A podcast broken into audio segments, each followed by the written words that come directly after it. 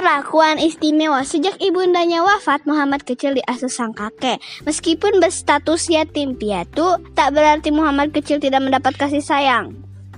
Abdul Muthalib begitu menyayanginya hingga beliau tak segan untuk menunjukkan kasih sayang kepada cucunya tersebut di depan orang banyak. Ada riwayat yang mengatakan bahwa Abdul Muthalib pernah meminta Muhammad kecil untuk mencari untanya yang hilang.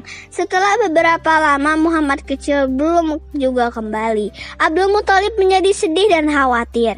Begitu Muhammad kecil kembali, Abdul Muthalib bersumpah tidak akan pernah lagi menyuruh cucunya tersebut. Bahkan beliau berjanji lah berjanji tidak akan pernah meninggalkannya sendirian.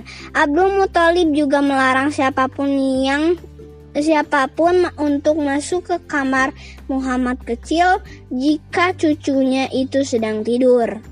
Sebagai orang penting di Mekah, Abdul Muthalib memiliki satu tempat yang khusus sebagai, sebagai bentuk kehormatan per, penghormatan baginya. Tidak seorang pun termasuk anak-anaknya yang berani duduk di tempat khusus tersebut.